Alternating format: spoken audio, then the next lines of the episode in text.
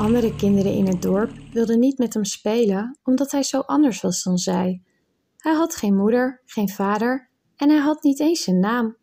Hij had nog nooit iemand over de toversteen verteld, want hij was bang dat iemand die groter en sterker was dan hij de steen van hem zou afpakken. Maar omdat hij altijd zoveel vis ving en de mensen in het dorp niet wisten hoe hij eraan kwam, werden ze jaloers op hem. Daarom wilden ze niet met hem praten, alleen als ze vis nodig hadden, want dan moesten ze wel. Op een dag maakte de jongen een wandeling langs het strand. Hij had de toversteen bij zich. Hij keek een poosje naar de golven die op het strand aanspoelden en opeens kreeg hij een idee. Er zijn vissen in de zee, zei hij tegen zichzelf. Vissen die veel groter zijn dan de vissen in de rivier. Als ik zo'n grote vis vang en die aan de mensen in het dorp geef, zullen ze misschien wel met me willen praten en me een naam geven. Hij klom op een rots en ging op een uitstekende punt liggen, net boven het water. Ik kan de steen niet op de bodem laten vallen, dacht hij, dus moet ik hem in mijn hand in het water houden. Hij boog zich voorover en hield de steen in het water. Het zeewater was koud en de golven waren krachtig. Hij voelde dat de golven probeerden de steen uit zijn hand te trekken. Hij hield de steen nog steviger vast, al maakten de scherpe randen van de steen diepe wonden in zijn hand. Er gebeurde een hele tijd niets. Hij voelde het zoute zeewater in zijn hand prikken.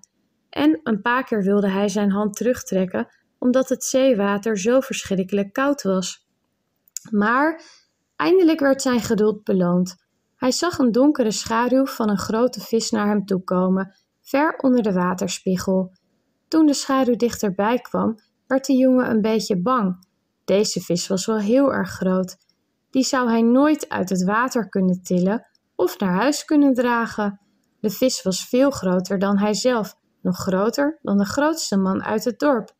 De jongen trilde van angst, maar hij hield zijn hand onder water en wachtte af. Hij voelde dat de vis zijn hand aanraakte en daarna stak de vis zijn kop boven het water uit. Zijn kop was bijna net zo groot als de rots waar de jongen op zat. De jongen staarde naar de vis en de vis staarde naar de jongen. En opeens wist de jongen wat hij moest doen. Hij hield de toversteen stevig vast en liet zich van de rots afglijden. Hij ging op de rug van de vis zitten en hield zich vast aan de voorste vin van de vis. De vis dook onder.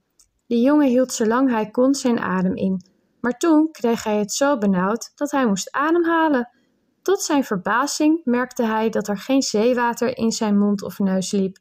Hij begreep dat er iets heel bijzonders gebeurde, en dat kwam natuurlijk omdat hij de toversteen bij zich had.